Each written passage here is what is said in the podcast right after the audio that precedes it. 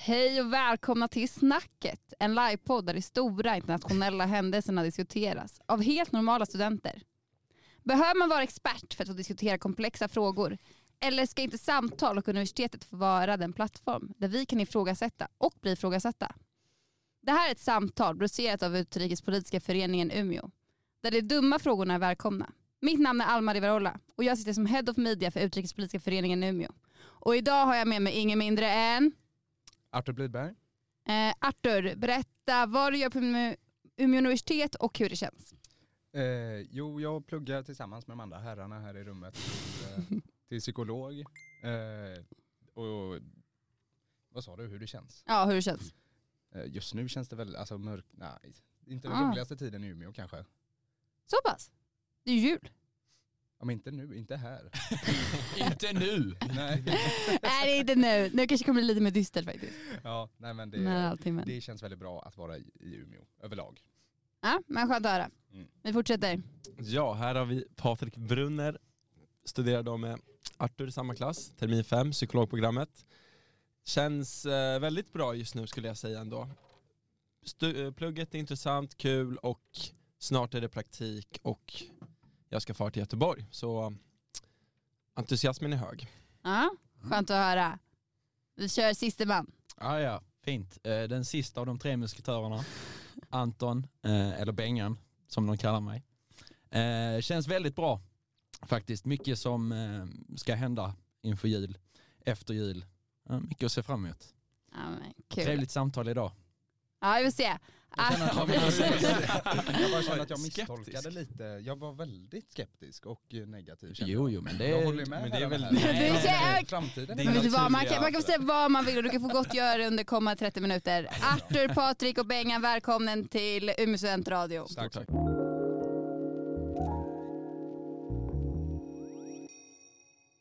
Vad tänker ni på när jag säger människohandel? Bengan börja.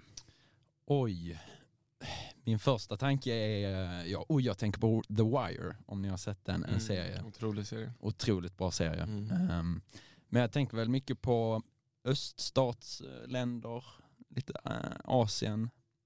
Folk som kommer i containrar liksom. Um, förkastligt egentligen ju. Det är väl eh, den första tanken. Mm. Patrik? Ja, eh, håller med. Jävligt vidrigt liksom. Och, ja, men typ lite sådär containrar eller ja, men smuggling fast av människor då, liksom. Folk som kidnappar folk för att tjäna pengar helt enkelt. Vill du tillägga någonting på det tror du? Mm, bara första tanken som, Ja. ja nej men jag, jag slängdes tillbaka lite längre i tiden. Jag satt och tänkte lite på vad det hette. Men det var ju den här triangeln mellan Europa, Mm. Afrika Mm. och eh, Amerikat. Mm. som eh, kom upp först. Mm. Jag kom att tänka på. Och liksom eh, att det såg som en vara, att människor inte liksom var, sågs inte som liv utan eh, det var en handelsvara bland annat socker och bomull och allt annat. Så någonting kanske långt bort? Kanske någonting som Mm. hör till andra länder till och med att göra? Eller historien? Ja, jo. Ja, det är väl sällan man kopplar det till Sverige. Och vi såg ju en film slash teater i, vad var det, måndags, tisdags förra veckan. Handlade just om Brasilien då, att de var bland de främsta Mm. slavimportörerna från Afrika. Det är därför de har ganska stor befolkning är mörkhyade där. Ehm, eller portugiserna var väl de som styrde men. Mm. Ja, människohandel eller trafficking kallas oftast för vår tids slaveri. Det förekommer över hela världen, både inom och mellan länder. Eh, polisen beskriver människohandel följande. Människohandel är ett brott som i många fall sker över gränserna och ibland utnyttjas offren för människohandel för flera olika ändamål, inte bara sexuella. Vid människohandel samarbetar flera gärningspersoner, ofta i olika länder, för att transportera offren från ställe till ett annat.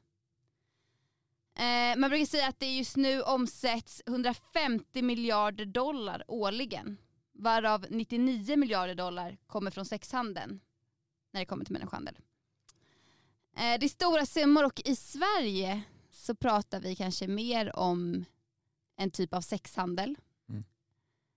Hur, eh, jag tänker att vi pratar om stora siffror. I Sverige är det ganska svårt att just eh, säga hur många som utsätts för den här typen av människohandel. För att det finns det som man idag börjar kalla för eh, arbetskriminalitet. Eh, vilket innebär att man tar hit folk för att jobba här under otroligt dåliga omständigheter Mm. eh, och sen så skickas de tillbaka eller man faktiskt till och med kan sluta i döden. Och Mm. det har hänt även i Sverige. Mm. Och eh, eh, man brukar, eh, numera så brukar man prata då mer om att detta är någonting som måste motverkas för att det innebär att man inte betalar rätt typ av skatter eller att det sker eh, liksom en kriminalisering av det här och inte så mycket om människornas rättigheter. Så jag tänker, då är det polisen, vi har myndigheter, vi har också de som eh, Norfolk till exempel är ett exempel som man har tagit upp när man snackar om den här arbetskriminaliteten, arbetsgivare. Vem bär på ansvaret när man pratar om människohandel? I, I slutändan så är det ju de som utnyttjar eh, de här personerna i, som, som befinner sig i en utsatt situation. Det är ju de som bär ansvaret, eh, kan jag väl tycka. Mm. Eh, För att det är de som ja, sätter det, igång det. precis. Sen har ju samhället ganska mycket ansvar i att eh, säkerställa att det inte kommer till den punkten, kan jag väl tycka. Mm. Vi kanske har ett ansvar att inte, men det är också så här, handla från företag då som man tror, eller det har ju ofta varit mycket snack om barnarbete och sånt där. Det kan väl också vara en typ av någon slags, ja Mm. kanske inte samma människohandel men vi har väl ett ansvar för att inte främja sådana organisationer då. Men det är ju svårt att veta när man inte vet vem som ligger bakom det såklart. Typ som något slags eh, konsumentansvar då, Ja. att inte handla vissa varor som Ja. man vet. Ja. Mm. Så att ni tänker först och främst att det kanske är arbetsgivaren som bär någon typ av ansvar. Mm. Men de kommer, kommer de förändra sig? Eller vad kommer få dem att... Nej, alltså det, är väl, det kommer de inte göra för de tjänar ju pengar på det såklart. Men det Mm. man har infört nu till exempel, eller ansvar från första början bär väl liksom staten, de som, för de smugglas in här. Så det är väl, eller gör de det? Det är väl är det, det som är tanken liksom. Det, så det är väl att ja, det, koll på vid gränserna, att de inte kommer in är väl något slags ansvar från Sveriges håll. det är ju gränspolisen. Mm. Eh, oftast då pratar man också om EU. EU har ju den eh, otroligt eh, utbrett arbete när det kommer till gränsen. Oftast så till och med hindrar man människor innan de ens kommer, alltså redan i vattnet, Mm. eh, innan de ens når land. Men handlar det om att människor inte ska få komma hit menar du då? Alltså det beror ju på såklart, alltså har de blivit kidnappade, allt beror ju på, människohandel kan ju ofta vara att folk har blivit kidnappade och kanske förs hit utan sin vilja men de kanske tar sig hit i hopp om att, lite American dream, att Sverige har ju varit ofta liksom bra omtalat i kanske Mellanöstern att hit kommer man, man får jobb, man ja, får liksom hus och så vidare. Eh, så de får väl komma hit om eh, Alltså om det finns platsrum och vi kan integrera dem i vårt samhälle. För nu har integrationen varit katastrof i Sverige. Så då, eh, ja, svårt att säga liksom, Mm. att de bara ska få komma hur som, hur som helst. Liksom. Det finns ju också en tredje, tredje variant där som var på tapeten typ runt 2015 där med kriget i Syrien och så. Eh, Det måste ju inte bara vara att man antingen blir kidnappad eller tar sig någonstans för man vill flytta utan man kan ju faktiskt fly också. precis. Eh, Och det tjänar ju de multum på, de här smugglarna som Mm. tar folk över Medelhavet Mm. och så. Eh, Men de bryr sig inte för fem öre eh, om människorna utan Nej. de vill ju bara tjäna pengar på det. Exakt. Um, Jag tänker vi ska, i Sverige, den svenska bestämmelsen om människohandel följer definitionen från Palermoprotokollet som antogs av FNs generalförsamling år 2000. Enligt definitionen handlar människohandel om att rekrytera, transportera och föra över gränsen, ta emot eller härbärga personer som, nej, härbärgera, gud jag vet inte riktigt hur man uttalar det, Mm. härbärga personer som avses utnyttjas antingen sexuellt eller för tvångsarbete eller slaveri. Eh, det kan också vara för en organisation och detta sker genom att bruka våld, hota, kidnappa, övertala, betala eller ta betalt. Eh, eller komma med falska förse förseningspenningar. Eh, hoppas någon än jag vet vad det innebär. eller på andra sätt erhålla kontrollen över personen. Så det är ganska mycket som egentligen behöver hända. mm. Eh, oftast mot en persons vilja och den kan, ska tydligt ha visat att den inte vill exempelvis. Eh, man tar inte upp här att folk ska kanske bli lurade. Eh, I vissa fall kanske folk inte vet vilka rättigheter man har när man kommer till ett nytt land heller. Men är inte det som är det där falska förpelningar eller falska liksom, man säger att ah, du kommer få jobb allt det där när du kommer dit. Men det måste på något sätt ske också våld i det här. Eh, så det kan inte bara vara, i de fallen som det här, till att börja med så är det här ytterst få gånger används. Vi har liksom den här lagen används nästan aldrig i Mhm. Sverige. Eh, jag vet inte, jag gick på en föreläsning om det här där de nämnde, alltså jag tror att det var under fem gånger och det här som sagt eh, är sedan 2000. Så att det är väldigt få fall vi pratar om eh, och det är fall som har varit otroligt extrema och följt alla de här spåren. Det här ska både vara en person som har förflyttats, eh, mot ens vilja, ska också ha visat att den inte vill. Sen ska det också komma så långt, till exempel i sexuella, liksom när det är sexuella trakasserier inblandat, då måste det gå så långt att man kan ha också bevis på det. Eh, så att polisen i Sverige kan till och med stå och titta på när sånt här sker. För att vänta tills man har fått tillräckligt mycket mer bevisunderlag. Och ibland har man gått in och Eh, vet du, eh, ja, men gript innan, ingripit innan och det har slutat i att det inte blir en fällande dom. Eh, för det här med människohandel är som sagt någonting vi många gånger ser som någonting kanske väldigt långt bort. Eh, man tänker kanske på en historisk slavhandel eh, och den kan vara ganska svår att se hur den ser ut idag. Eh, och det kanske inte är samma typ av slaveri. Men frågan är vart vi ska dra gränsen. Vad tänker du Artur? Alltså just kopplat, jag satt och tänkte på det förut. alltså svartarbete. Och att komma över för att liksom att det måste, är det det som är distinktionen här? Att det måste ske mot ens vilja? För det finns ju ändå någon form av initiativ Mhm. eller att Mm. komma till Sverige och Precis. arbeta eh, svart eller för att det liksom är mycket bättre betalt än vad det skulle vara att jobba I sitt eh, hemland. I sitt hemland, Mm. legit eller vad man ska Mm. säga. Mm. Eh, och sen så har vi det, vi var inne på sexuella eh, alltså incitament till att komma hit eller ja det är ju inte personen som har det. Men, eller, nej den lyckliga horan, det vet jag inte om den Nej. finns. Det kanske vi inte ska gå in på. Nej. Är det bort till nästa avsnitt? Ja det är nästa avsnitt. Men jag, jag kommer också tänka på, eh, alltså det här med bärplockare har ju eh, Mm, nämnts några gånger i alla fall i media och så att deras arbetsmiljö är ju inte den bästa liksom. Eh, går runt i liksom gassande sol och Mm. eh, långa arbetstider och så och får dåligt betalt. Är det någon typ av eh, människosmuggling eller? Det är det, då kommer man direkt in direkt, eller tillbaka till den här frågan om gränspolisen. Mm. Eh, det, då handlar det mer om att det är en arbetsgivare som fe, gör fel, att den till exempel inte skattar på de här. eh, Och det handlar mer om att det är människor som inte bör vara här. Så Mm. någonstans så pratar vi ju inte då längre om människohandel, Nej. utan man pratar mer om att detta är någonting kriminellt som är dåligt för vår ekonomi. Eh, eller inhemska ekonomi. Eh, så att eh, då, det brukar sluta i att det här är människor som behöver lämna Sverige. Men det blir, det blir inte samma typ av konsekvenser som man pratar om människohandel. För att ibland ser vi inte det som människohandel. Men till exempel, vad tänk, tycker du att det kan klassificeras som människohandel?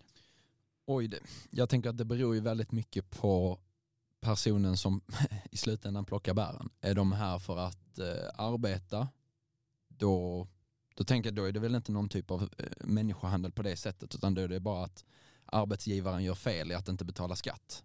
Mm. Ehm, Och ibland inte betala lön. nej, precis. Mm. Dä- Däremot, eh, ett exempel som bara dök upp i huvudet nu, det var ju just med kriget i eh, Ukraina. Att eh, ett exempel på människohandel där är typ hur de lockar fol- folk från Nepal och säger att eh, vi ska ta er till Ryssland och ni ska få ett bra liv där och sen så åker de di- direkt till fronten i Ja, princip.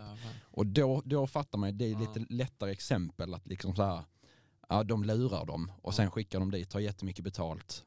Och, men så, om någon ska plocka bär så känns det som att det är lite bättre än fronten i Ukraina. Liksom. Och då kan det ju till och med vara så att det kanske är någon i Nepal som säljer de här personerna. Precis ja. Mm. ja. och tar betalt för personer. Och helt plötsligt, vad, vad, människo, vad är liksom människohandel i slutändan? Mm. Då är det någon som har tagit äganderätt på andra människors liv. Precis ja. Mm. Men då pratar vi inte längre om människoliv utan vi pratar om en kriminell aktivitet i arbetslivet. Mm. Så att frågan är liksom vad vi ska bemöta det här som. det är ju svårt tycker jag att, att tjäna pengar på människor är ju en del av samhället vi lever i och den verkligheten vi har byggt upp. Ehm, så hur man tjänar pe- pengar på människor är väl skillnaden. Mm. Mm. Så jag, jag, jag har inget bra svar egentligen. Ja. Nej, svåra frågor och ni är inte ensamma om att tycka det. Eh, men jag tänker, om vi går också lite tiggarfrågan har varit eh, också högt uppe på tapeten. Man vet att det finns tiggare som har arbetsgivare eh, där pengarna går direkt till eh, någon annan. Vad tänker ni, och som också tar hit personer som ska planeras att tigga. Mm. Eh, och de som inte ska tigga kanske ska sälja andra saker med sina kroppar. Mm. Är det människohandel? Alltså ja, eller om det är någon som är en arbetsgivare och äger dem och säger åt dem vad de ska göra eller inte göra blir det väl någon slags människa. Fast i, ja, dock kommer de ju hit, eller det vet vi inte, men om de kommer hit av egen vilja för att tjäna pengar till sina familjer i sitt hemland. Det blir både och, tänker jag. Alltså det är väl egentligen samma som förr. Alltså Ja. Gränsdragningen blir ju vad det är som man tjänar pengar på och Mm. vad man anser vara okej eller inte. Som Anton sa, alltså vi alla säljer ju våra tjänster och kroppar. Vi, vi Mm. pluggar psykologer, vi ska ju sälja oss själva som ett verktyg att hjälpa någon annan. Mm. Eh, om vi flyttas olagligt till ett annat land och gör det, då kan man ju också säga att vi Mm. används som redskap för att någon annan ska tjäna pengar. Ja. Men det eh, är ju väldigt mycket mer okej att sitta och psykologa och ta betalt än att eh, sitta utanför ICA eh, och tigga. Mm. Det är ju någonstans där gränsdragningen går. Och vem som anses äga ens arbete då? Ja, men, precis. Arbetsgivaren. ja, men vi, vi kommer väl också, om man inte jobbar privat, alla som har Mm. en, en chef, alltså ägs ju på, i någon mån och Mm. har förpliktelser gentemot någon annan och någon annan tjänar pengar på. Kan det handla om också hur mycket liksom tiden man anses ägas? Du har ju arbetstider som också går under lag, hur mycket du får jobba. Eh, kan det vara en faktor i det hela? Hur länge man får jobba för en person? Om det är hela livet och alla vakna timmar på dygnet och kanske till och med sovandes. Ja, alltså skillnaden kan jag väl tycka är att vi gör ett aktivt val i att sälja vår tid. Det är i princip det vi gör Mm. eh, till arbetsgivaren. Att vi säger att så här mycket anser jag att min tid är värd med den kompetens och de kunskaper jag har. Och så säljer vi den till arbetsgivaren. Eh, Det finns säkert jättemånga som hade velat sälja ännu mer av sin tid än Mm. vad som är tillåtet i svensk lag. Men det är väl där distinktionen går, att vi väljer att sälja vår egen tid och vår, vår egen liksom kunskap ehm, och kompetens. Um, människohandel är väl att någon annan tvingar dig att sälja din tid. Och i värsta fall din kropp. Jag tänker att vi rappar upp det här lite. Men vi har ett till ämne och eh, som sagt det här är livepodden för kanske inte de enklaste ämnena som ni redan har förstått. Ehm, DN skriver flera EU-länder ökar pressen på Israel och kräver omedelbar vapenvila i Gaza. Regeringarna i Belgien, Irland, Malta och Spanien vill i ett brev att Europeiska rådets ordförande eh, och att EU-länderna enas om att kräva att parterna i Gaza-konflikten omedelbart inleder en vapenvila. Sverige tänker inte ansluta sig till det kravet. Enligt utrikesminister Tobias Biström han talar istället om humanitära pauser för att invånarna ska få nödhjälp. Vad tänker ni om det här? Borde Sverige... Du vet ju, jag tror att det har inte undgått någon att det är en konflikt som breder ut sig i Gaza och Mm. har faktiskt historiskt brett ut sig väldigt länge. Mm. Eh, Men vi är idag i en tid då många, många, många människor dör. Eh, barn, civila, kvinnor. Eh, det här med omedelbart eh, stopp är någonting som många pratar om och eh, vill kräva. Senast för tre dagar sedan tror jag också att eh, vet du, USA la in sitt veto i Mhm. FN Mm. för att säga nej till vapenvila. Nu säger Sverige också nej i EU. Vad tänker du kring det Patrik? Ja, vi gör väl det kanske dels för att hålla rygg mot USA då Mm. vi också nyligen slöt väl något slags avtal att de får eh, vara ansvariga över all, över alla våra liksom, militära baser och ha inflytande där. Men jag tycker att det är eh, fel.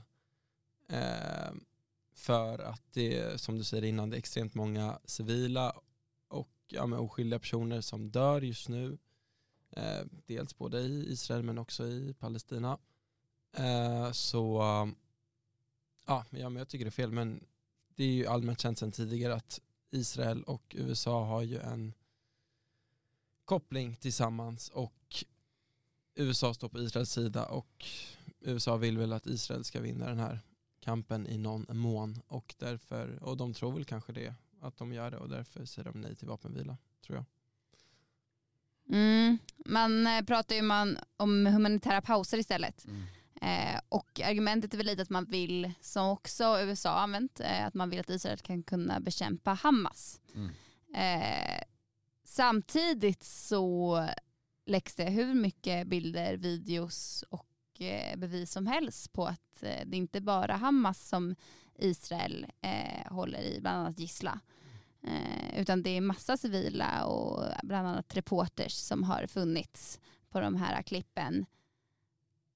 Vad, är, vad tänker du på då Anton? Alltså jag tycker det är ju såklart en tragedi att, att så många civila behöver sätta livet till. Um, och det är väl krigets verklighet egentligen.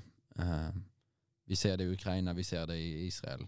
Um, och Gaza är en ganska liten och ganska komprimerad plats liksom.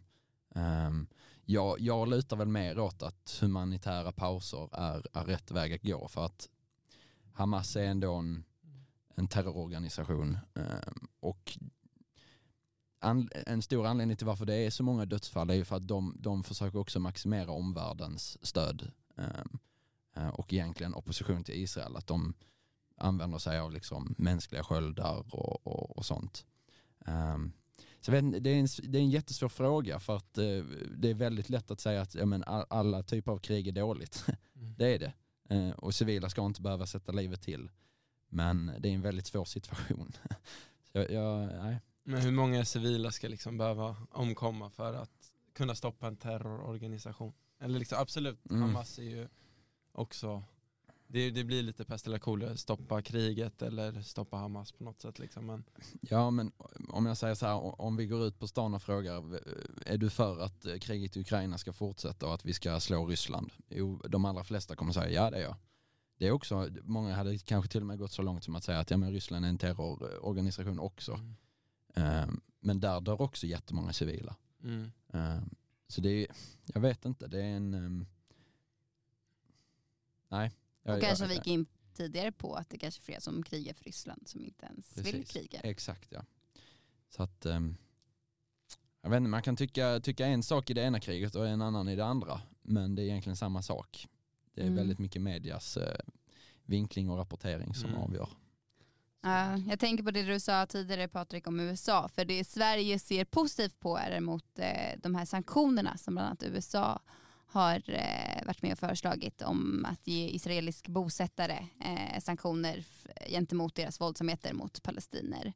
Så att man kan ju se här att det finns någon typ av korrelation Sverige och USA. Eh, jag tänkte att vi ska dra det här lite, vi har snackat mycket senaste avsnittet pratade vi just om eh, USA och eh, Sveriges nya militäravtal. Eh, eh, hur mycket tror ni Sveriges beslut angående hur man ska agera i ASA är baserade i huruvida man vill komma med i NATO eller inte? Jag vet inte vad Turkiet, vad, hur, hur står Turkiet vet du? För nu är det väl mycket att det står och faller på Turkiet. De andra är för väl att Sverige, USA är för men Sverige vill ju fortsätta slicka röv åt USA för att vara på god fot med dem. Alltså, USA kan ju, om USA börjar sälja flygvapen till eh, ja, Turkiet ja, så släpper de ju in Sverige. Så ja. det hänger ju inte bara på Turkiet. Nej. Jag, tycker det, jag tror det har väldigt mycket med det att mm. göra. Mm. Att eh, realpolitiken där får gå i för, förväg. Liksom. Att, eh, eh, att ge dem tillgång till, vad var det, 16 militärbaser i Sverige eller någonting ja. så. Liksom, ofantligt många. Eh, det är i princip att sälja vår militära själ på något sätt. Eh, jag, jag tror det har väldigt mycket med det att göra. Vad tycker du om den informationen Arthur? Jo men jag håller med. Alltså jag tror det, det känns liksom också som en, att regeringen nu vill, de vill visa sig handlingskraftiga och om de kan få igenom innan valet eh, att vi var de som fick Sverige in i, i NATO och rodde det i hamn så tror jag de, det, det vill de väldigt gärna. Mm. Eh, och eh, vill också ha väldigt god relation till USA och det känns som en bara naturlig Och vad tycker du det får kosta?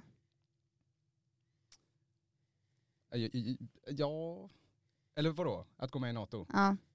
Ja, svår fråga. Behöver vi gå med? Men okej om vi Jag, kan se jag, gillar, jag gillar ju neutralitet. Jag gillar att vara Schweiz, stå, stå, stå utanför, Ja. Treat. liksom, Ja. d- dra vinning där man kan och eh, vara alla till lags. Det, det känns väldigt bra. Men det känns, går ju inte. Känns väldigt svenskt. Men Ja, väldigt tre liksom ja. 20, runt 20-åriga psykologstudenter. Hur mycket bryr man sig om det här? Om NATO? Om NATO? Ja, om allt. Om Gaza eller vad då? Ja. Gaza, det är ju saker som går in i varandra tänker jag. Mm. Men det är saker som trots allt är långt ifrån oss. Jag vet inte hur mycket ni... Jag tänker hur mycket ni snackar om det på er fritid. Eller påverkas av det när ni går och tränar, hänger, käkar. det är väl alltså, så länge det är aktuellt så påverkas i alla fall jag ganska mycket.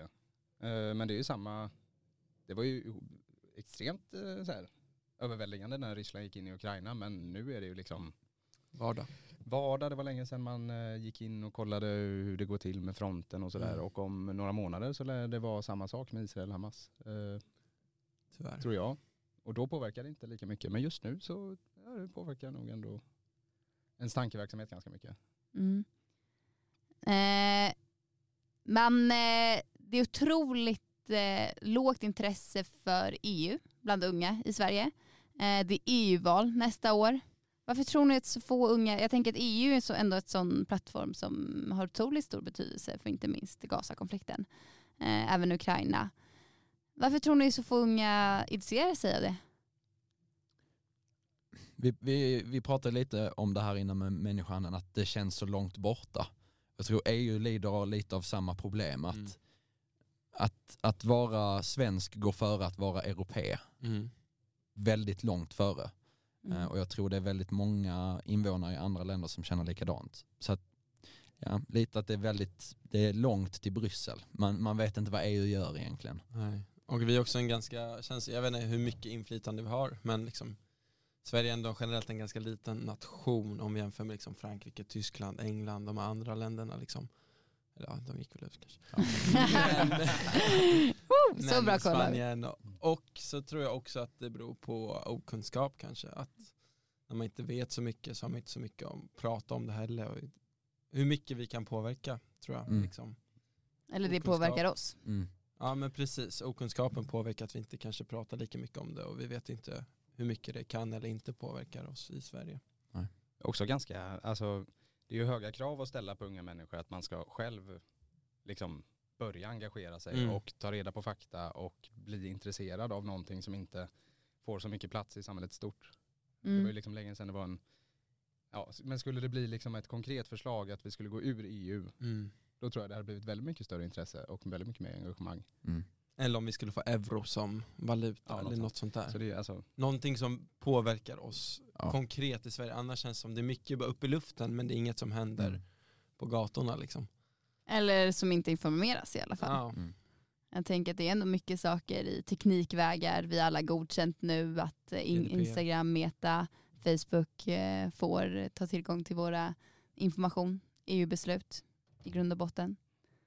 Eh, men jag måste säga att det har varit väldigt spännande att få höra er. Eh, svåra frågor. Eh, jag vet inte om vi har löst de här eh, konflikterna nu. Jo men ge oss en halvtimme till. Ja men ge oss en halvtimme till. Ah.